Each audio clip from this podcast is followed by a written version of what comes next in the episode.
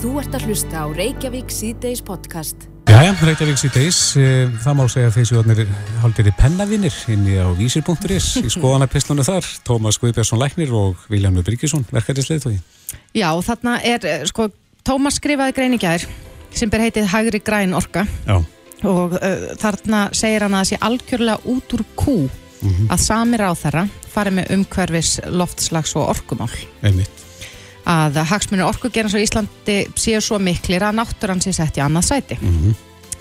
en Vilhjálmur Byrkisson verkarlýs leiðtögi á Akranesi hann svaraði honum í dag og saði bara lækna Tómasi svarað og er þarna að segja að, að, að, að þetta séu gjaldir í skapandi greinar mm -hmm. orkumálun hér á landi og þetta sé hjartaði okkar efnaðslífi Já, það stóð til að hafa það báð á linni en uh, Tómas þurfti því miður að vera í aðgerð núna er á vakt. En mm -hmm. uh, Viljámi Birgisson er á línu, kom til sæl. Já, komið sæl. Já, þú svarar Tómas eða þarna og, og uh, já, þú segir meðalans þarna í þínu pistli að, að þessi reyna græna orka sé eitt helsta framlag okkar til umhverfismála. Já, ég held að það liggi alveg fyrir því að það liggur fyrir að álverðinu á Íslandi eru hér að nota reyna græna orku á meðan að stór hluti af því áli sem framleittir í heiminum í dag er e, knúið áfram með kólum sem að mengar tífalt og takið eftir tífalt meira heldur en þessi græna orka sem að við erum að nota hér á landi. Mm -hmm. Núna eru allar þjóðir heims vitt og breytum hinn að víðuveröld að leita leiða til þess að geta komist frá því að nota þessa mengandi orkugjafa eins og kól, kjarnorku og, og, og gas og svo framvegis yfir í vistvæna orku. En því miður er það hér á landi að þá tala menn með þeim hætti eins og við eigum í raun og veru ekki að vera að nota þessa orku, þessa grænu orku okkur til atvinnisköpunar, til gjaldirisöflunar og svo framvegis. Mm -hmm. og, en Viljálmur, er enginn takmörk fyrir því hversu mikið það ættum að virka hér og, og uh, þurfum við að framlega svona mikið af orku?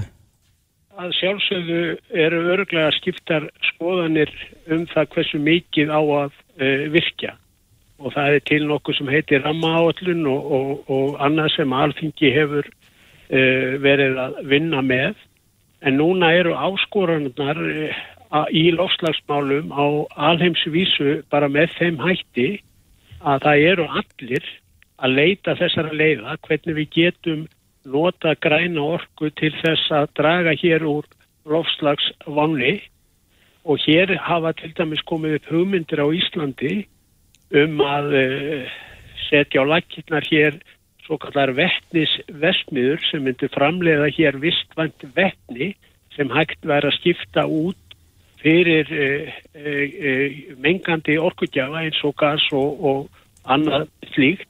En til þess að geta framleitt þetta vettni þá þarf reyna græna orku til þess. Og við þurfum bara að taka ákvörnu það sem þjóð. Viljum við leggja okkar að mörgum til þess að uh, draga úr þessum láslagsvanda sem að heimurinn stendur fram með fyrir? Við getum það Við erum í einstöku tækifæri hér til að fara í þessi orku skipti og höfum næga orku til þess en ég get alveg tekið undir að sjálfsögðu þarf að gera það af uh, mikilli yfirvegun og í, í, í samstarfi við alla hagsmunnaðila og þar á meðal náttúruna. Mm -hmm. En þú ert líka með þessar grein þinni að, að standa vörðum stóriðina þannig að þínir félagsmenn eru megnunni til að það ekki sem starfa þar Jú, í stóriðinni stór, stór hluti minna félagsmanna byggir sín, e, sitt lífsviðvari á e, stóriði störfum og ég get alveg sagt ykkur það hér og nú að ef að stóriðinni hér til dæmis upp á grundatanga ef, að, ef að hún myndi lognast út af ef að þannig mórið komast þá gætu við agunissingar og, og reyndar bara stór hluti af Vesturlandi nánast slögt ljósinn, svo mikilvæg er þessi starfsemi fyrir okkur. Og bara til að setja þetta í samengi að þá verður eftir í íslensku hagkerfi e, upp undir 150 miljardar frá orkusæknum yðnaði og ég uh, spyr í þessari grein uh, uh, lækna Tómas að því myndi það hjálpa heilbreyðis stofnunum vitt og breytt um landið og landsbítalunum og, og, og bráðamóttökunni og annars líkt ef að 150 miljardar myndu hverfa úr íslensku hagkerfi. Nei að sjálfsögðu myndi það ekki hjálpa til. Við þurfum að ebla hér gjaldiriskapandi störf, við þurfum að nýta okkar auðlindi til þess að skapa störf handa fólkinu, skapa tekjur handa sveitafljónum, skapa tekjur handa ríkinu til þess að geta staðið undir öllum þeim áskorunum sem við stöndum frammi fyrir. Það er verið að öskra á ríkisjóð úr öllum áttum frá löggjastlunu, frá mentakerfinu, frá heilbriðiskerfinu, frá almannatryggingakerfinu og til þess að standa undir þessu öllu saman þá er það gjaldir í skapandi atvinnugreinar sem að halda þessu öllu uppi. Það er bara eins og fólk átti sig ekki á því að hvert einasta samfélag, hver einasta þjóð og byggir sína lífsafkoma á því að selja afurður og fá gjaldirir inn í landi. Mm -hmm. Við gerum það ekki með því að uh, tala hér með þeim hætti að það eigi bara að loka uh, mikilvægustu atvinnugreinunum okkar, við getum tekið þessu dæmi að það eru þrjár megin stóðir sem byggja gjaldirisöfnum þjóðarinnar upp á. Það er ferðarþjónustan það er sjáarútvörin og það er orkusækin yðnaður En er, er, er hann Tómas ekki líka talað eins fyrir ferðarþjónustun og, og stór ástæða þess að fólk kemur hingaðir Íslensk náttúra og hann er svolítið að standa vörðum hanna? Áverða menn líka alltaf sangkvæmi sjálfu sér í þessari orðræðin Er hann það ekki? Það eru 27 flugfélög sem fljúa til Íslands. 27 flugfélög. Og flugið mengar miklu meira heldur þessi stóriðja. Miklu meira. Menn verða þá að vera sangkvæmi sjálfum sér ef að menn vilja stíga skrefið alla leið og, og, og verja hér eh, hérna verja hér náttúruna og verja hér það að við séum ekki að menga þetta mikið hvað eigum við þá að gera? Eigum við þá að loka bara öllu flýi? Það sjálfsögðu ekki. Við þurfum bara að vinna því núna að fara í þessu orkustifti og það er alveg ljóst að innan einhverju ára þá mun uh, vera hægt að breyta hér uh, orkustiftu með þeim hætti að skip og jafnvel flugvilar áður en langt um líður verða knúin áfram með vistvænum orkutjafa og við sem þjóð Íslandingar í einstöku tækifæri við erum að taka þennan slag, vera tilbúin í þessa vegferð og verða hér jafnvel fyrsta þjóðin í heimi sem að næra skipta öllum eh, eldsteitis orkugjöfum út fyrir vistvæna orkugjafa. Mm -hmm. sko, við, erum í, í dauða færi og ef ég skil stjórnvöldli er rétt þá er það þetta sem að þau eru í raun og veru að bóða og ég trú ekki öðru heldur að hverju einasti umhverju sinni hann hljóta fagna því að við ætlum að stíga þessi skref en til þess að geta gert það þá verðum við að nýta okkar auðlindir til þess að geta búið til þennan vistvæna orkugjafa. Mm -hmm. En Vilhelmur, eins og læk, lækna Tómas, Tómas Guðbjörnsson segir hérna í greinu, hann segir það hljóta allir að sjá að það er algjörlega út úr kú að sami ráð þær að fara með umhverfis loftslagsmál og orkumál og talar um að nýskipa ráð þær að málflöksins muni þá setja báðu megin borðsins eh, hvað þykir þér um það? Er, er ekki óhefilegt að hér, hér talar náttúrulega Tómas um það er veru eins og þessi eini ráðhari ráðherra fari síðan bara með allræðis vald í þessu að sjálfsögðu hlýtur þetta fara síðan inn til alþingis til eh, afgreðslu þar og það verður þá alþingi sem að uh, afgreðir hvert frumvart fyrir sig sem að lítur á þessum málum. Það er ekki eitt en ráðherra sem getur tekið og umbreytt öllum uh, þessum hlutum einn og sér. Það þarf að fá afgreðslu í gegnum alþingi vantanlega. Ég bara trú ekki, trú ekki öðru. En hann hefur líka gefið í skinn að það sé yfir 80% af allur orku sem fari til að knýja stóriðin áfram og ég er svona að því að það eigi raun og veru bara að loka þessu, hann sagði nú fyrir árið síðan að uh, það ætti raun og veru bara að loka álverðin í Strömsvík uh, talaði þar um að setja uh, álverði bara í líknandi meðferð því að því var ekki við bjargandi álverðið í Strömsvík í Hafnafyrði skilar 35 miljörðum inn í Íslands hagkerfi bara sem verður eftir hér, ég er ekki að tala um 60 miljardana sem að útlýningstekinnar eru, heldur það sem að verður eftir í íslensku aðgerfi, myndi það hjálpa okkur við að bjarga hér e, þeim atriðum í íslensku samfélagi sem við þurfum að laga eins og ég hef nefnt áður, e, helbriðskerfinu og svo framvegis. Nei, að sjálfsögð ekki. Og það er svo mikilvægt fyrir fólk að átta svo því sem að er í, ég ætla ekki að segja, í venduðum störfum hjá ríki og sveitafélögum við getum bara ekki öll unni hjá ríki og sveitafélögum. Það eru þessar undistöðu aturugreinar sem að halda e, samfélaginu uppi, þessar gjaldri skapandi greinar sem að veita súrefni út í samfélagi þannig að við getum hér e, lifað mannsamandi lífi og við hefum að nýta okkar tækifæri til þess, að nýta okkar auðlindir til þess að gera þetta samfélag enn betra heldur en það er í, er í dag og það er hugmyndir sem uppi er í þessum mál, málum þær eru að mínum að þið bara mjög góðar mm -hmm. og mhm. munu hér draga úr, úr, úr, úr hérna loslasvonni. Einmitt, Viljami Birgisson, verkalis leittói af Akarnissi, kæra þakkir fyrir þetta. Ekki málið, takk takk. Þú ert að hlusta á Reykjavík C-Days podcast. Jæja, ný ríkistjórn hefur verið mynduð og uh, þetta ríkistjórn Katrínar Jakobsdóttur eins og fyrir ríkistjórn? Já, nú hefur mikið verið rætt um hvað, eh, hvað þessi ríkistjórn er að heita. Já. Það var mér þess að held ég eh, kostning hérna inn á vísipunkturis eða svona skoðanakönnun um mm -hmm. það. Þarna kom aðvendustjórnin, jólastjórnin, höfuðborgarstjórnin og ringjækjustjórnin. Já, Katrin Jakobsdóttir er á línunni, kom til sæl.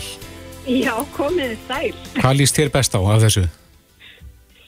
Ég, sko, aðvendustjórnin hjóma nú best, en svo er það nú gætna þannig að það borgar sig ekkert að reyna að gefa eigin ríkistjórn. Nei. Það, það borgar sig bara að leifa öðrum að vera dómari í því. Já, það bara kemur. En eh, eh, hvernig leggst þetta í því svona í upphafi? Þetta leggst ágætlega í mig. Þetta er náttúrulega búið að vera, sko, síðasta kjörtmóbil var svo enginlegt út af heimsvarandri að uh, manni líður eins og við höfum náð góðri laust með það hvernig við ætlum að vinna okkur út úr afleðingum faraldessis og ég held að það skipta alveg gríðalegu máli og kannski það eitt af því stærsta í þessum nýja, nýja stjórnarsáttmála að við erum ekki að stefna nefnum nýðurskurði, við erum ekki að stefna skatta hækkunum, við ætlum að reyða okkur á það að þessar miklu aðgjörði sem eru auðvist í til að breyðast við faraldri dugi til að skapa öfluga viðspilnu og að við getum viðhaldið öflugu velseldarsamfélagi og öflugu atvinnulífi. Og um mm -hmm. það náttúrulega er þessi stjórnarsammáli. Akkurat. Hverjar verður svona ykkar helstu áherslur, Katrin, eða getur uh, skautað yfir það með okkur? Hver, hver verður ykkar fyrstu verk? Já, það er nú góð spurning. Það er svolítið skrítið þegar maður er í raun og veru, ég náttúrulega bara mæti aftur við mitt skrippbord og held áfram það sem frá var horfið. Mm -hmm. En sko, þegar við spyrjum helstu áherslur, þá nálgust við þetta aldrei út frá áskorununum og þær eru þetta fyrir utan efnaðsóríki fjármálinn, það eru loskosmálinn, vinnumarkasmálinn, heilbriðismálinn og tæknibreitingarna sem eru að breyta eiginlega öllum sviðum samfélagsins. Já, eh, kannski helsta gaggrinni sem maður heyrir á þetta núna, sérstaklega frá umhverjisinnum, er að eh, umhverjismálinn og lofslagsmálinn hafa færst frá þínum flokki yfir til sjálfstæðarflokksins. Mm -hmm. Hvernig atvikaðist það að, að þið ákvaðu að, að láta af hendi umhverjismálinn?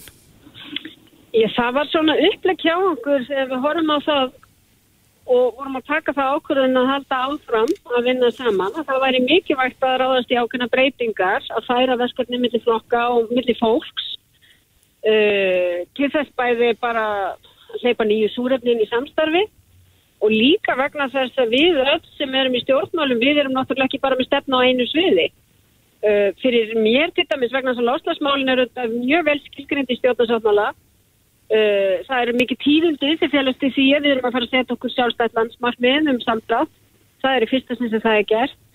Það er mjög ídarlega umfjöldunum en að málaflokk og í raun og verum að sjá að sko, þessi mál gangi í gegnum öll ráðunetti. Það eru í gegnum samgangumálinn, í gegnum sjávarútveginn, landbúnaðinn og það eru auðvitað ráðunetti sem við fáum í okkar hlut mm -hmm. sjávarútveginn sem er verður alveg líkil ráðunetti í þessum málum. Erstu sammála því að eitt helsta framlag Íslendinga til umhverfismála sé hrein orka, græn orka? Það er að sjálfsögðu mjög mikilvægt framlag uh, og hvernig við höfum geta nýtt okkur bæði varsföllin og jarðarmann en það eru líka mjög margt annað sem við höfum fram að færa á vettfangi svona þjóða heims -hmm. og mhm. þar vil ég nefna landgræslu til að mynda þar sem við höfum mikla þekkingu til að deila og getum unni mikið verk bæði landgræslu og skóra og síðan bara vil ég nefna þetta hugveit sem við erum að sjá að fæðast hér á landi, til dæmis bara kartfúsverkefnið og, og síðan þetta stórmerkilega kólefnisföngunar verð sem er komið upp á hellisegi. Mm -hmm. Ég held við möttum að sjá miklu fleiri stík verkefni fæðast á næstu árum. Já, Tómas Guðbjörnsson Læknir skrifaði pistilinn á vísi.is núna þar sem að hann uh, er raun og veru segir að náttúrann sé alltaf sett í annað sæti og að hagsmunur orkugeran séu í fyrsta sæti. Erstu ósamal á því? Já, ég held allavega ekki að þessar breytingar sem við erum að gera núna að stula því og við hefum nú lengi talað fyrir því að þessi eðlvegt að horfa á uh, auðlindina í samengi við vendu náttúrunar og þegar við horfum bara til dæmis á þannig árangur sem við náðast á síðan náttúruvendar á undanfættum árum þar sem við hefum aldrei séð fleiri fljóðlýsingar til dæmis uh, á einu kjörtímabili þá held ég að náttúruvöndarsinnar hljóta vera nokkuð, já hvað getur við sagt, ég meina vera nokkuð ánæg með þann árangur. Mm -hmm. En er ekki nokkuð ljóst, Katrina, núna þegar að orkustíftin standa fyrir dyrum að þá þarf að virkja meira? Já, ég held að, sko við hefum auðvitað að leggja ákveði mat á það og, og það er búið að vinna orkustöfnu til lengri tíma og það er alveg ljóst að þetta mun ekki gerast á einni nóttu Við erum að horfa á orkusskipti á landi og síðan orkusskipti á sjó og síðan orkusskipti í flugi sem er setni tíma mál mm -hmm. og þetta snýst ekki engöngu bara um rafvæðingu. Það þarf líka að horfa til annara orkugjafa uh, sem kunnar að vera allt heppilegri í vísum tilvikum. Þannig ég held að, að þarna skipti máli að sko, við þurfum að leggja staði þessar vegferð en allar hugmyndir um það að hér verður allt virkjað á næstu fjórum árum. Það er auðvitað standast enga skoðun þetta mun ekkit verða þannig mm -hmm. og við erum nú þegar auðvitað bæði með hónið tablin og kerfinu og við erum með ákveðna yrkjarnakosti í nýtingarflokki þar sem við erum eftir að leggja áherslu á í þessu stjórnarsöfnum og mikilvægt að við þálta ákveðnum stjórnpökjum að borði ramáðallun þannig að þessi hægt að ná þessu mikilvæga svona jafnvægi mm -hmm. En Katrin, í dag var fjárlega frumvarpi kynnt og, og uh, það kom fram að verja í 540 miljónum í að koma fót farsóttardild á spítalunum. Það er heilbriðismálinn og, og auðvitað það sem að tekur við, já, kannski ekki beint í kjölfar COVID en á meðan að COVID er enn í gangi. Og það hafa heist óanærættir með það að, já, að þetta sé fullt senkt í rassin gripið að fara að setja á farsóttardild núna.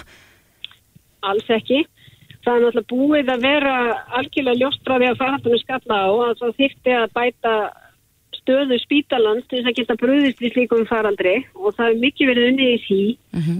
uh, það er verið unnið að því gegnum bara fjármögnuna stoppkostnaði en líka, en líka mönnuninn áskorun og ég held að þetta, þessi faraldur þetta sínur okkar það, það er bara mjög mikilvægt að við séum vel í stakk búin til að takast á við stefni tíma faraldra líka. Mm -hmm. En hefði ekki mátt byrja fyrra að, að koma á fót þessari farsóta deilt? Já, þessi, sko sem ég segi, verkefni í tengslu með það að styrta spíkala með faraldur sem var staðið í alveg frá upp af við faraldurs mm -hmm. og ég held að því sé ekki lókið en en að þessu hefur verið unnið í raun og veru alveg frá uppaminu mm -hmm. og það má segja sko ég menna hluti af því sem að ráðist í strax var til dæmis að fá nýjar öndunarvélar til landsins svo ég rifi þetta nú upp og þetta er eiginlega búið að vera stanslust í þessu 22 mannu Já. Rétt aðeins í lókinn Katrín, eh, landsbyðin er ekki mjög sátt svona við ráðherra valið, er, er ekki af 12 ráðherrum, er ekki 10 af höfuborgarsæðinu, Stórætjagursæðinu? Já, það er alveg rétt að dæmis við þrjú sem skipum ráðherrasæti vinstri græna erum öll þingmenn fyrir uh, kjördamin á höfuborgarsvæðinu. Raunar eh, eru nú félagi mínir hins vegar bæði, já, bæði fætt út á landi og, og hérna nýr félags- og vinnamarkarsráð þeirra, hann er auðvitað mýramæður. Þannig að við erum nú kannski mismikið af höfuborgarsvæðinu. En maður heyri það að landsbyðin er ósátt og, og finnst þetta kaldar kveður. Já, já, ég hef fullan skilning á því og uh, í, þegar skipaðir er áþarastóla þarf að líta til ímessa sjónamöða, bæði byggðarsjónamöða, kynjasjónamöða og síðan uh, er maður auðvitað að velja fólk sem hendar í embettin.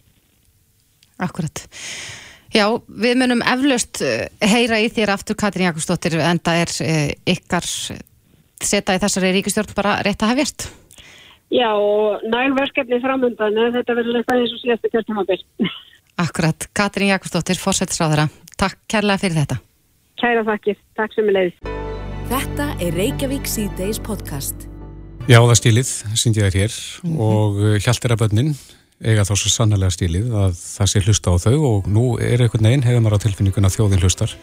Já, ég held að öll þjóðin hlusti eftir að, að það byrtist á stöðu tvö frétta auki þar sem var fjallað um eh, þessa hörmung og sko þetta var kynferðslegt, líkamlegt og andlegt ofbeldi sem týrkaðist árum saman gagvart börnum sem að dvöldu þarna á barnaheimilinu á Hjaltiri og eh, dómsmálaráþara var nú í viðtali hjá okkur hér í síðustu viku og hún sagði að eh, unnin verður greinagerð um Hjaltiramáli og það verði sett í forgang Mm en hinga til hefur ekki verið hlustað á þau sem að, þarna dvöldu Nú, einn af þeim sem að reyndi að ná eirum þeirra sem að með þessi mál fara eh, reyndi í 15 ár, Steinar Immanuel Sörensson sem er kominn, velkominn. Já, takk, takk. Já, þjóðin hlusta núna, finnið þið það? Já, við finnum það svo sannlega og hérna uh, í fyrsta skipti, ansýr, ansýr langan tíma, það er búið rosalega erfitt að fá alltaf hurðina skellt, skellt, skellt á and- andlitið á sér. Hvernig er tilfinningi núna? Núna þá, Já, um, viss léttir, en samt ótti.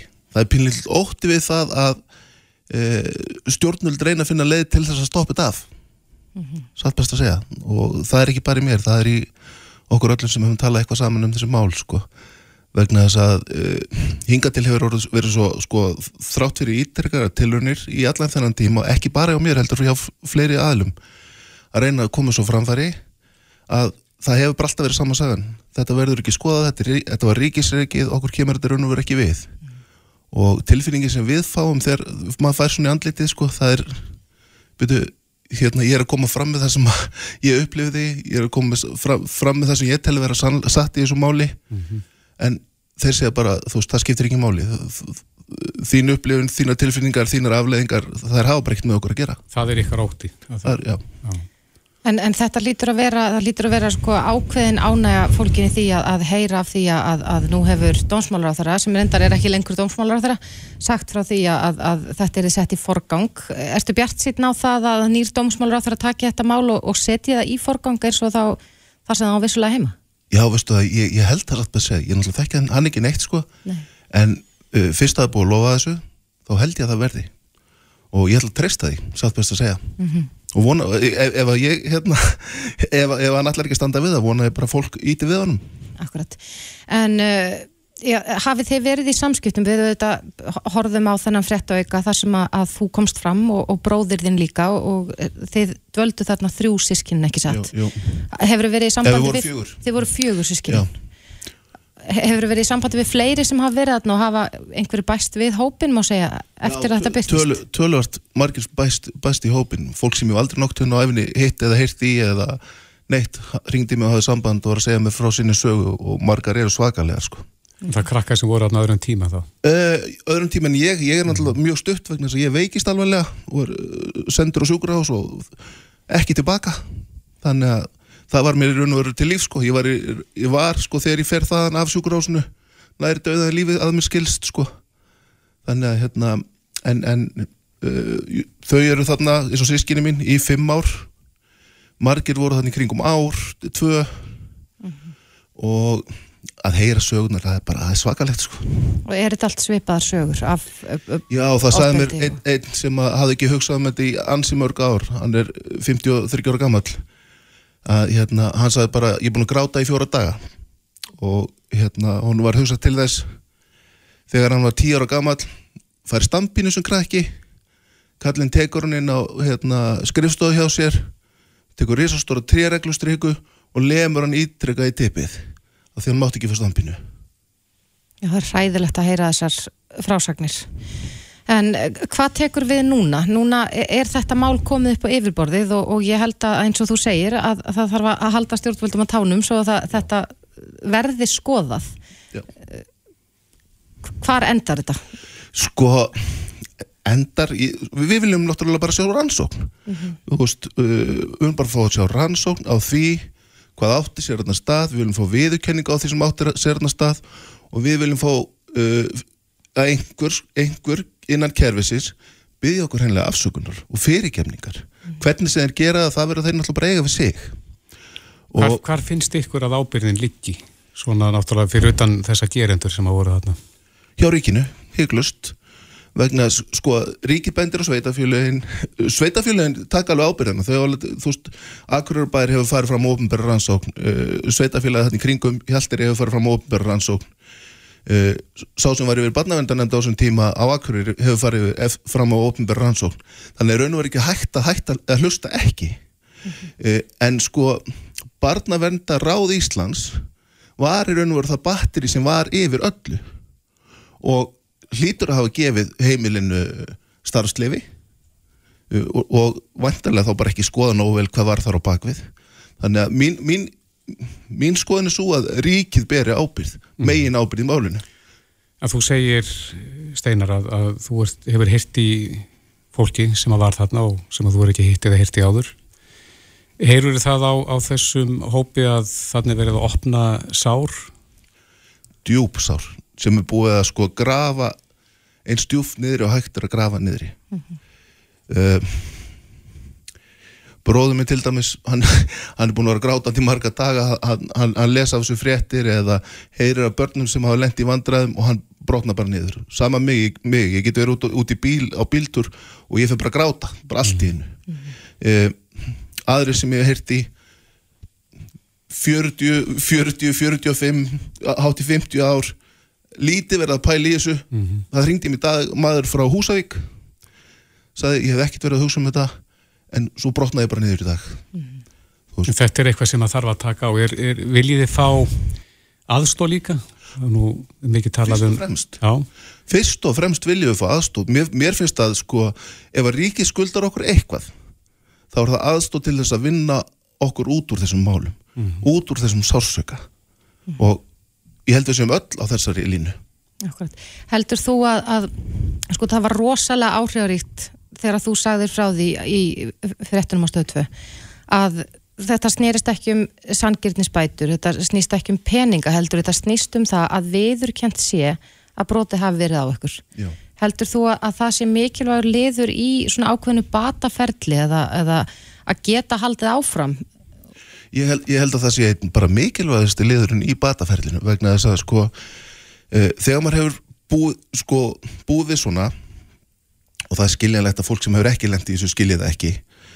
Að, og sérstaklega þegar maður hefur búið við það að fá ítrekkað sko, sko hvað er að þér? Í, í rauninni, hvað er að þér, þú veist, það kom ekkit fyrir þig. Þú veist, það er allt í lagi með þig, hættu þessu bulli. Það er raun og veru það sem að vera að segja við okkur með því að skoða þetta ekki. Mm svo fáum við viðurkenningu og heyrðu, já, það, það er búið að koma staðið að þetta átt sér stað.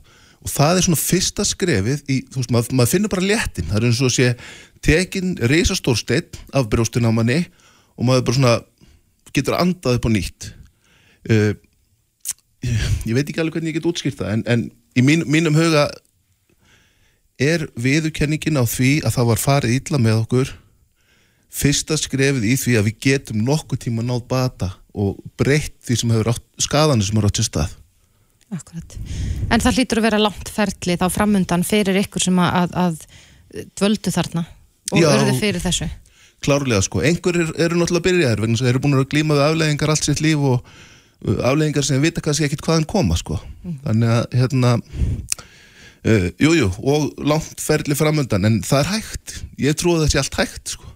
Nú hefur líka verið í fréttum að, að uh, hjónin á Hjalteri að þau heldur síðan áfram að starfa með börnum í, í Garðabæ og það, Garðabæ er ætlar að rannsaka dagheimili hjónuna Já, mikið að, gott hvernig verður þið við að heyra að þau hafi, þetta var ekki hjón sem unnu þarna einungis á ákveðinu tímbri heldur heldur áfram að vinna með börnum?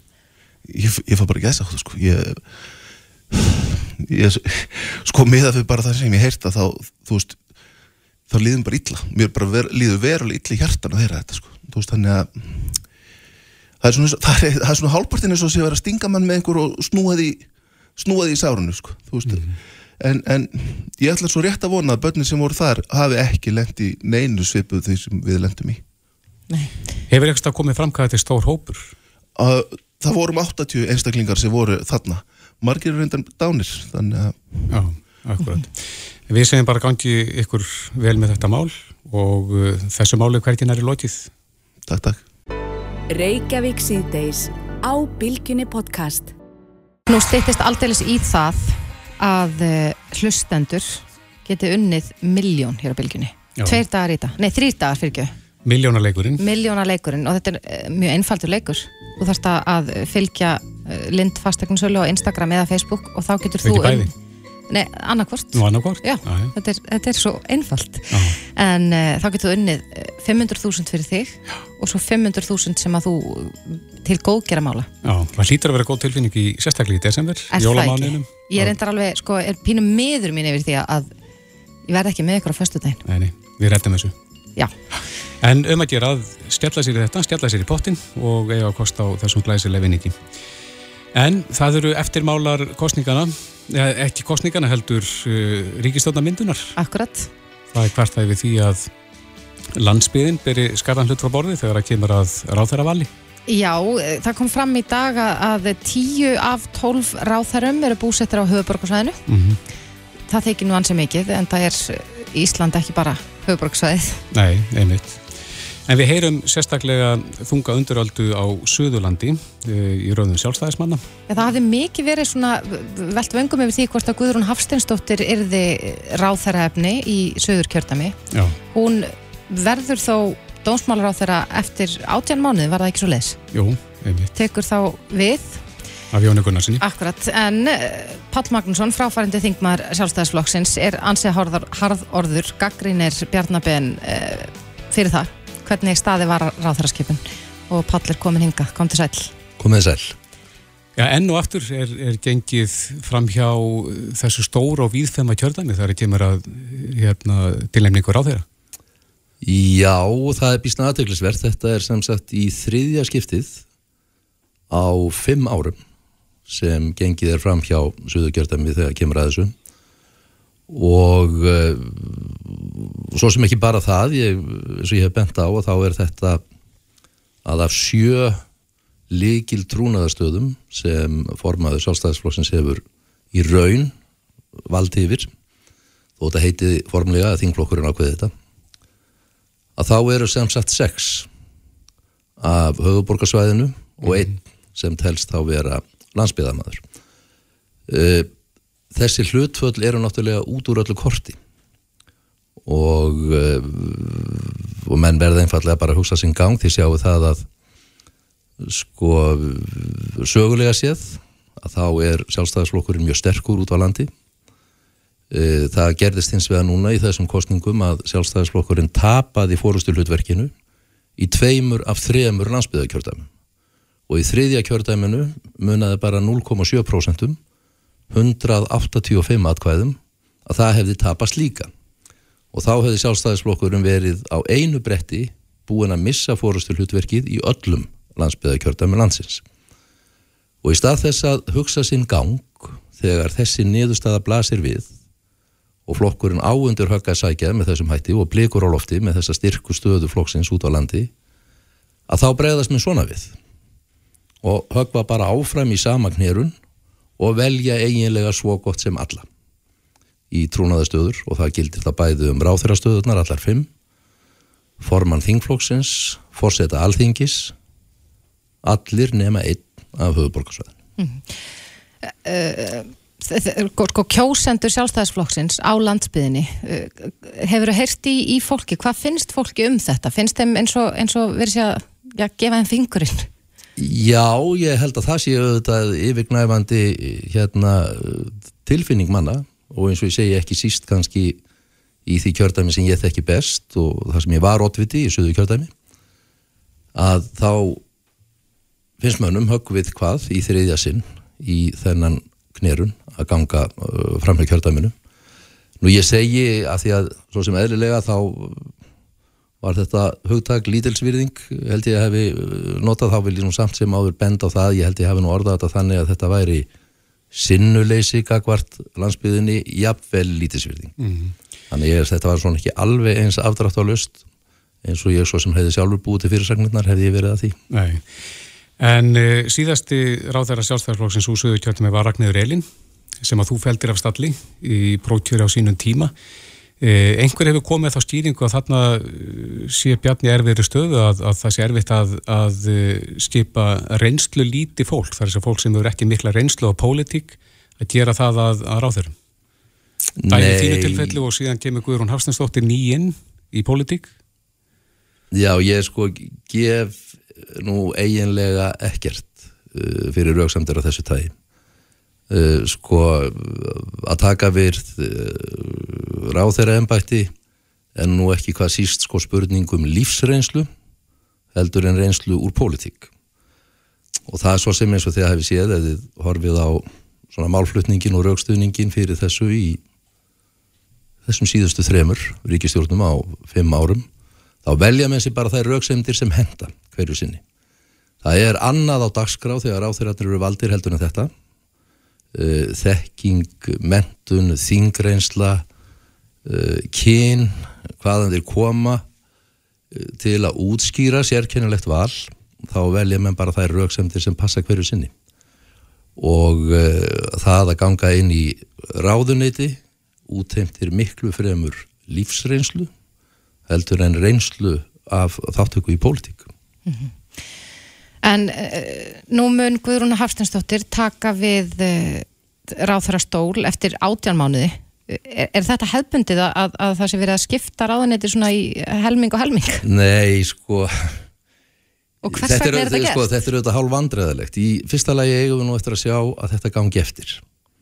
Þetta er svona yfirlýsing sem er gefin til þess að friða og slá á mestu óanægurættirnar en ekkit í hendi með það að þetta gangi eftir. Í öðru lagi er þetta sérkynilegt vegna þess að þetta veikir mjög þann ráð þeirra sem er að ganga inn í ráðunætið. Mm -hmm. Hann fær strax stimpilinn bráðabyrðar á þeirra og oft er þetta þannig að e, ráð þeirra þurfa að hafa nokkuð fyrir, fyrir því að halda til í apps við embættismenn og oft svona daldill e, átakapunktur á milli embættismanna í hann að stopnana sem undir ráðunitin heyra og nú er sagt strax í upphafi, heyrðu þið þurfum nú ekki að býða þennan af ykkur nefn í átjón mánuði. Þannig að þetta er í fyrsta lagi veiking á stöðu þessar á þeirra sem gengur inn í ráðunitið og í öðru lagi svona frekar vandraðaleg leið til þess að slá á mestu óanægurættirnar með því að ganga fram hjá otvita já, suðu kjörtamis í þessu tilvíki. Mm. En þú sendi Bjarnar tónin þarna, hvað heldur þú að formanninu gangi til? Er hann ekki bara reyna að raða saman sínu sterkasta liði? Ég veit það ekki, menn geta svo sem bara lesið það og ég ætla ekki að fara að hafa uh, einhverjar hástemta skoðanir á því hvað er það sem ræður uh, ferðin í þessu menn uh, fólk verður bara að, að sko lesa í stöð, stöðuna hver fyrir sig en Hitt er þó augljós þessi niðurstaða sem, sem hérna sann reynir eða staði reynir þennan landsbyðarhalla og ég held það að þetta sé sko það, er, það var fyrir þessa kostningar og svo kom það í ljós í kostningunum að flokkurinn að, að þessi ofbóslega sterkast aðans út á landi hún hefur vext tvö kjördami töpuðust og munað engun að uh, þriðja landsbyðarkjördami og þar með öll að sjálfstæðisflokkurinn hefði mist fórustul hlutverki í þeim öllum. Er þetta skýr skilabóð til formann? Já, sko þetta hefði átt að vera skilabóðum það að flokkurinn og flokksfórustan og formaðurinn hefði átt að horfa meira til þessari kjördama í stað þessar sinnuleysis sem ég uh, talaði um við skipan í trúnaðastöður en það er þvert á móti er gengið alveg út á enda hinum einn og aldrei hefur ég held að ég megi fullir af það að aldrei hafi landsbyggðin verið jafn illa representeruð átti að fá að fulltrúa í leikil stöðum fyrir sjálfstæðisflokkin eins og hún á í dag Já, Pall Magnússon, fráfarandi þingmaður sjálfstæðisflokksins. Farin, frá farin bara Fráfarin, takk kærlega fyrir komuna. Takk Reykjavík síðdeis á Bilginni podcast. Reykjavík síðdeis heldur áfram. Þetta nýja afbreyði koronavirunar Omikron uh, hefur verið mikið til umræðu undanfartum daga. Já það, sko, fjármálamarkaðir tóku dífu þegar að fréttir af þessu afbríði fóru á flug. Akkurat. Og svo hefur maður sér fréttir að til dæmis eins og í Japan þá er hennilega bara verið að loka öllu, það er verið að herða aðgerið víða um heim. uh, mikið svona debat um það í bandaríkjunum hvað gera skuli. En, Bætin vill halda sér höndum, er það ekki, um sinn allavega. En nú hafa verið að berast með svona svolítið tvísaga um það hversu, hversu hættulegt eða smitandi þetta er. um, Þórólur hefur nú sagt að við þurfum að, að það er full ástæða til þess að- fara varlega uh, í ljósi þessa nýja afbríðis. En svo hefur sá sem að fann þetta afbríði uppaflega á sínu tíma í Suður Afríku, Mm sá vísindamar hefur nú sagt að menn eigi að anda aðeins með nefinu ekki, að þetta Jú. sé nú ekki eins alvarlegt eins og Sko hún varar við upplaupi vegna þessara uppgötur á, á Omikron Já. og segir að engjani vegna þess eh, séu mild Mhm. og að þeir sem að, að hennar sjúklingar sem að hafa verið smittaðar af, af þessu Omikron afbríði hafi náð sér að fullu. Þannig að það, það er svona aðeins, kannski vitum við bara ekki nóg. Nei, en á línunni er Magnús Gottferðsson, professor í smitt sjúkdómalækningum, kom til sæl. Já, sælverði. Já, hvað er það nýjasta sem við vitum? Svona, eins og heyrir að það eru misvísandi upplýsingar um alvarleika afbreyðisins. Já, ég uh, held að við veitum svo sem ekki mikið meira í dag heldur við vissum um helgina. Það uh, tekur jú tíma að gera þessar viðbóta rannsóknir sem eru nöðsynlegar til þess að við getum slegið einhverju föstu. En um, fyrstu vísbendingar eru með eins og þeir nefnduð að, að þeir sjúklingar sem hafa greinst hafa ekki verið alvarlega veikir. Þetta eru fáur einstaklingar og um, þetta er fólk líka sínist mér á, á tölunum sem að er svona frekar ungt þannig að maður reiknar með því að það kannski verði nú ekkit sérstaklega veikt. Og til viðbótar að þá fylgja ekki með upplýsingar um það hvort að þessir einstaklingar hafðu fengið bólusetningu eða ekki. Það kann að líka hafa einhver áhrif. Þannig að þetta mun uh, taka tíma og, og um, ég uh, reikna með bara núna með hverjum deginu sem líður að þá munir nú myndin skýrast og það nú frekar uh, hérna svona þess vísbendingar um að, að þessi veira hafi nú sloppið framhjá uh, fyrir heldur en upphalega var talið. Það er að greinast uh, fólk víðar í heiminum í, í dag og, og það kemur ekki óvart eða bætti nú enn frekar í á, morgun og það menn raðgreinina fleiri síni því að eitt af vandamálunum er jú það að að uh, ólíkt okkur í Íslendingum að þá eru flest allar aðrar þjóðir aðeins að raðgreina brotabrót af þeim uh, sem sagt veirum sem að greinast. Og það gerist ekki fyrir en uh, löngu setna en hér hjá okkur að þá eru við að fá upplýsingar um þetta nánast í, í rauntíma. Þannig að uh, það er talsur aðstöðum en hvað það var þar. Áttu vona því að þetta afbreyði greinist hér innan skams? Það kemur alls ekkit á óvart því að nú þegar búið að greina uh, einstaklinga bæði í Danmörku og í Svíþjóð og Skotlandi þannig að ég finnst það alls ekki fjárstæðakent. En Magnús, með við það sem við vitum núna, er eitthvað sem bendir til þess að þetta afbríði sé meira smitandi en delta afbríði sem við vorum að glíma við hér og erum svo sem auðvitað enn að glíma við en, en það sem við þekktum áður? Já, þetta er náttúrulega líkilspurning og uh, svarið er við vitum það ekki. Uh, það eru ákveðna vísbendingar frá Suður Afríku um það að uh, fólk með ómikrón afbreyðið hafi verið að síkjast í meira mæli heldur en uh, delta.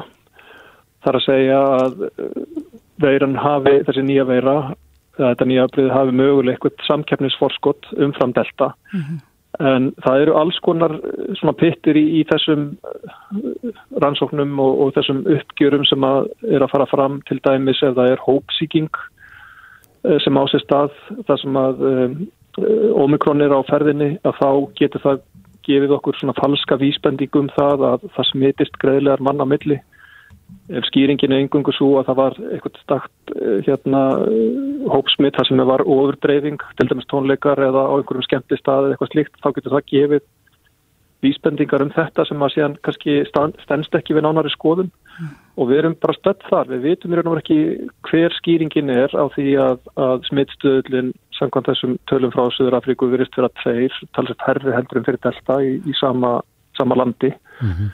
Uh, og þetta eru smitt sem að greindust hjá ungu fólki sem að tengist háskólakampus og, og, og sálsagt uh, tilherandi hlutum sem að ungt fólk uh, leggur fyrir sig og hérna þannig að þetta eru bara viðfáðsefni næstu dag að reyna að greiða úr þessari flækju. Já, hvernig verður svona stökkbreyting til? Gerist þetta bara í einni mannestju sem að, sem að veiran stökkbreytist?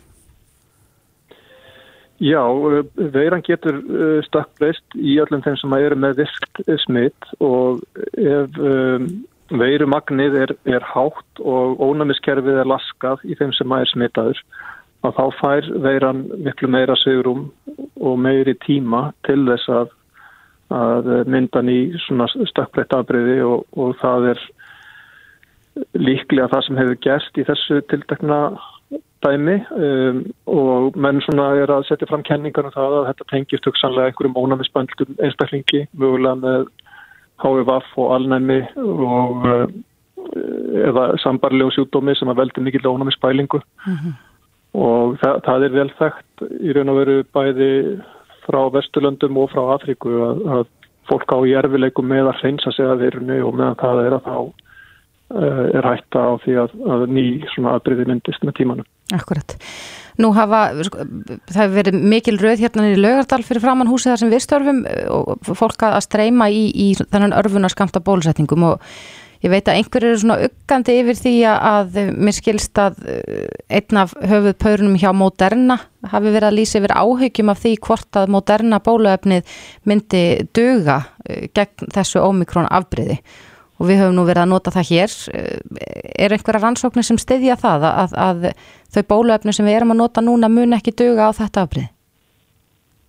Nei, það er engar rannsóknir sem að styðja það. Eins og er þetta svona meira forspár sem að byggja á stökkbreytingunum sem að er að finna í þessu nýja afriði þannig að það má gera ráð fyrir því að uh, þeir sem eru bólusettir hafi kannski ekki alveg jafn mikla vörn eins og gegn þessum uppháðlega stopni sem að hérna, bóluefnin eru grundverðluð á.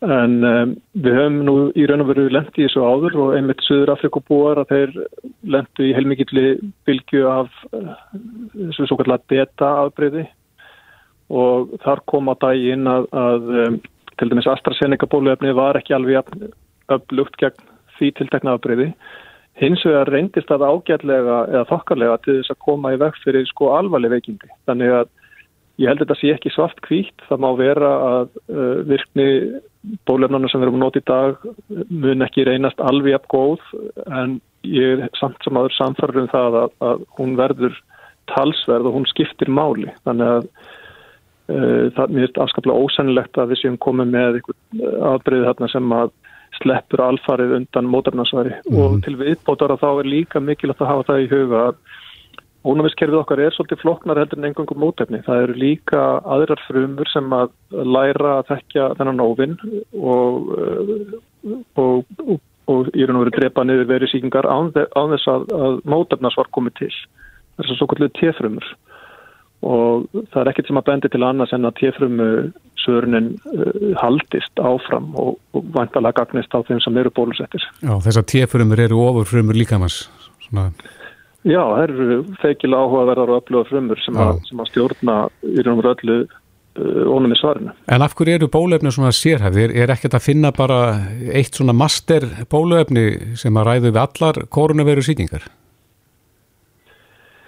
Það er nú bísnast núið vegna þess að þetta eru alveg gríðarlega svona fjölbreytilegur flokkur af, af veirum og, og þær breytast hratt og, og í raun og veru geta að tekja á sprett svona eh, þegar við erum að ymda okkur og getum klukkaðir þá er það komnar eitthvað á undan okkur. Að Þetta verður eilíða bara þetta Þetta, já, það er allavega ekki komin einhver einn svona allserjarlaus sem að bara uh, losar okkur við þessa leiðinda óværi.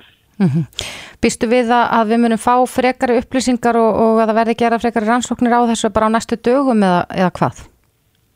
Já, slíka rannsóknir er í gangi. Það eru þegar hafnar og uh, liðaframlendur eða bólefnaframlendur eru nú þegar að, að skoða hvort að það sé físilegt að, að uh, breyta forskriftinni í bólefnunum uh -huh. en svo Pfizer hefur gefið út og ég heika Moderna sé að gera nákvæmlega sama Já. og við erum líka kannski svo maður minni á það að við erum alltaf alls ekki í sömu spórum og vorum uh, þegar við höfðum engin bólefni því að núna vitum við hvað uh, þarf að gera hvernig þessi veira er og nákvæmlega búið að setja upp þessar flæðilínur, framlegsluferðla og annað, mm -hmm. þannig að það myndi taka miklu stittri tíma heldur en áður var að, að eh, bregðast við með kannski lítilega breyttum bólefnum. Já. Magnús Gottræsson, professor í smittsjúkdómalækningum. Takk kærlega fyrir þetta. Takk sem þess. Hlustaðu hvena sem er á Reykjavík C-Days podcast. Nú búið að mynda ríkistjórn mm -hmm. og búið að sína á spilin Það er að stjórnarsáttmálinn hann er nokkuð ljós en það var einn hópur sem var hansi fyrirferða mikill fyrir kostningar mm -hmm. og heimtaði leiðrættingu á sínu málum. Akkurat. Þetta voru eldriborgar. Já og það er minnst á þennan hóp í stjórnarsáttmálunum. Þar segir að almannatryggingakerfi eldriborgar verður endurmetið mm -hmm. og frítekjumark atvinnu tekna tvöfaldaðum næstu ármót. Já, einmitt. Á samt fleiru. En uh, á línunni er uh, fóringi eldri borgara, Helgi Pétursson, kom til sæl. Komið sæl, komið sæl. Já, hvað þykir ykkur um uh, það sem stendur í stjórnarsamfélagum? Er þetta nóg? Ég veit ekki, ég er náttúrulega bara horfið svo sem, hugsa svo sem oft um, um þessi mál þannig að sko, að það hefur aldrei sko fleirum verið lofað meiru oftar án enda heldur en eldra fólk í, í velferðarþjóðfélagin á Íslandi. Og þið látið þetta yfir eitthvað ganga? Og það er ekkit, og það er ekkit nýtt. Þetta Nei. er ekki bara þessi ríkistjórn, þetta bara gengur svona mm. og við, þetta, þetta undistrykar það svona í sjálfu sér að, að við höfum í, við höfum í raun og enga rétt. Við erum bara, við erum bara sett á þann stað sem við erum og verðum bara að taka því. Mm -hmm. Þess vegna kannski virkar eða virðist þessi barátt okkar vera svo vonlaus en, en drópin hóla steinin og, og við erum búin að fara eins og við fórum núna í vor með okkar áherslu aðriði e, og, og hittum allt, öll, öll þessi stjórnvöld og all, þessa, allt þetta fólk sem var í frambóði og, og það tók okkur náttúrulega ofbóðslega vel og af svo miklum skilningi að við vonum sko nálast bara kaffærið í skilningi en, en, en síðan horfum við upp á þetta sem kemur núna. Það eina sem er fast í hendi er tvöföldum frítækjumars vegna atvinnutekna mm -hmm. og uh, hvað við segja uh, smáaletrið í kringum það er að það gagnast kannski 13% af, af fólki sem er á, á vinnandi fólki sem að uh, er á, á bilinu 60 og 70 til, til 70 Akkur, þannig að þetta er frekar lítill hópur innan... Mjög, þetta er mjög fáið. Við lögðum áherslu á, á atvinnutekjur og lífeyrissjóstekjur. Mm -hmm. En þá vorum við fann að tala um peninga. Akkurat. Það er talað um, Helgi, að það eh, sko, áallar kostnaður vegna þessa, vegna tvöföldun á frítekjumarki verður er 540 miljónir króna. Væri þetta tölvöld herru upphæða ef við værum að líta til lífeyristekna? Já, já, miklu hefði. Og þú sér það sko, það verður að þá að verja 100 og einu miljardi í málefni eldrafólks og, og það er hækkun frá síðasta, uh, síðastu, síðastu kálögum. En það er náttúrulega líka bara fjölkun, það eru fleiri sem að koma að. En sko 500 miljónur af 101 miljardi, mm -hmm. þetta, þetta eru, eru smápenningar og, og menn sleppa fyrir hot með þetta og, og básuna þetta upp sem einhverja stórkóslega stórkóslega eitthvað kjarabót. En sko við vorum að tala um lífeyristekjur. Við, vorum, höfum talað um að hækka lífeyristekjur eh, til samræmis að minnstakosti við lámaslaun eins og gerist hjá öllum sviðunum þjóðfélagum uh, og við erum að að tala um, um fleiri atrið sem tengjast uh, þessu beint. Uh, og, og það er svo sem ekki tekin einn sérstök uh, sko, uh, skerðingar umræðan öll sömur sem hefur nú verið heldur betur hávær. Og hún er sko falin í svona frestunar, nýjum frestunarfrasa sem að ég hef ekki heyrt áður, þetta, þetta er nýtt. Að það núna að horfa til alls konar hluta. Uh, hort verði til uh, og, og hérna Vo- Voru ekki skýr lofar um það held ég að, að afnema þessar stjörningar? Krónamótu krónu stjörningu? Í, það er búið að vera það, þau hafa verið, þau hafa komið fyrir. Og frægasta dæmi er náttúrulega frá 2013 en, en þetta hefur komið inn og menn hafa sko, mjög ljátt í máls að, að þetta þetta ekki, þetta séu allt og há prósenta. Þegar að, sko, þegar að skerðingar geta farið upp í, í að 76,9% eitthvað svoleiðis. Mm. þá, þá gengur þetta náttúrulega ekki og það sjá það allir En hann talaði mjög stíft til ykkar fjármálar á þeirra fyrir kostningar og sagðist alltaf að uh, leiðrétta mál eldri borgara. mm Er þið búin að fara yfir það? Hvað, hverju var lofað fyrir kostningar og, og Já, hann, hann, lof, hann lofaði þessu mjög skýrt þessari töföldun eða hækkun á, á, á hérna rítekjubarki fyrir atvinnutekjur. já. Hann gerði, það, hann hefur staðið við það. En hvað með stjörningarnar? Nei, það er ekki þannig inni. En það er við máli við samfélagið. Það, það er mjög dómsmáli. Hvenar, hvenar stýrist það? Hvenar kemur... Já, það getur verið bara hvaða dag sem er. Og, og, og það verður auðvitað fróðlegt að sjá hvað gerist. Já, En, en bara, bara það, bara sákabli er, er einhverjir er einhverjir 45,5 miljardar á ári. akkurat. En Helgi, það er, er, er fleira nefnt í stjórnarsáttmálunum eh, sem við kemur eldra fólki og þarna er talað um þjó- að, að, sko, það verður stefna í þjónustu, eld og, og þróaðar fjölbreyttar búsett og þjónustulegur og fleira. Hvernig líst ykkur á þetta svona í heilsinni, það sem minnst er á þarna? Þessu, þessu tökum við öllu fagnandi og bara á, á, á móti því og þeim mikla skilningi sem, sem okkur var sínt en það langt flest af þessu kemur fyrir í þeim áhersluatriðum sem við vorum að, að kynna. Auðvitað tökum við þátt í öllum, öllum svona aðgerðum og, og munum sitja í hvaða aðgerðarhópi og, og framkvæmdastjórn og guðum að vita hvað sem þarf til þess að íta þessum málum áfram. Alveg sjálfsagt við, við, við, erum ekki, við erum ekki ekki eitthvað forhært frekju uh, frekjubakk. Nei, það er nú gott að heyra. En þannig að ykkur líst vel á, á að það sé allavega verið að, fjalla um ykkur þarna Já, en, en að já, þetta ég- með, já, með frítekjumarkið sé hreinlega ekki nóg. nei, nei, það, það er bara þetta er bara eitt lítill partur. En, en, en við, við munum að sjálfsögðu taka þátt í öllu sem er til framfara á þessu sviði Mm, einmitt. Helgi Pétursson, formaður landsambands eldri borgara. Kæra þakki fyrir þetta og gangi ykkur vel í, í baráttunni. Takk, takk, kær, sömulegis Reykjavík síðdeis á bylgjunni. Lengi hefur verið talað um það að, að leikskólamálin í Reykjavík séu í miklum ólestri Einmitt. Og uh, ég veit af því svona bara af, af fólkin í kringum mig að, að ég held að sveitarfélögin, hinn sveitarfélögin á höfuborgarsvæðinu séu aðeins betur stödd. Það hefur lengi verið talað um það að eigi að reyna að veita börnum inngöngu á leikskóla við 12 mánuða aldur eða reyna að minka nýri 18 mánuða. En nú er sem sagt komið eh, svar við því eh, hver sé meðalaldur barna við inngöngu í leikskóla í Reykjavíkur og ég verð að segja að þetta er pínu sláandi. Nú, 29 mánuða. Það er sérst tveggja ára og 5 mánuða ef ég er að reikna rétt. er þetta rétt? Hildur Björnsdóttir, borgarfylgdur í sjálfstæðarslokksins er á línu. Komdu sæl. Komið sæl. Er, er þetta rétt tala? Tvö ár og Já, fimm mánuður? Því miður, þá er þetta rétt tala. Ég, ég kallaði eftir þessum einstaklingum á ormánuðum hver meðalaldur barna væri við innréttun á leikskóla borgarinnar Mhm. og fekk þetta svar núna á dögunum að meðalaldurinn væri 29 mánuður. Og auðvitað er einhver staðar börn sem komast yngri inn en, en þetta er meðaltalið og við erum að sjá það líka að sjálfstætt starfandi leikskólar í borginni eru svona að svara eftirspurninni fyrir þennan aldur.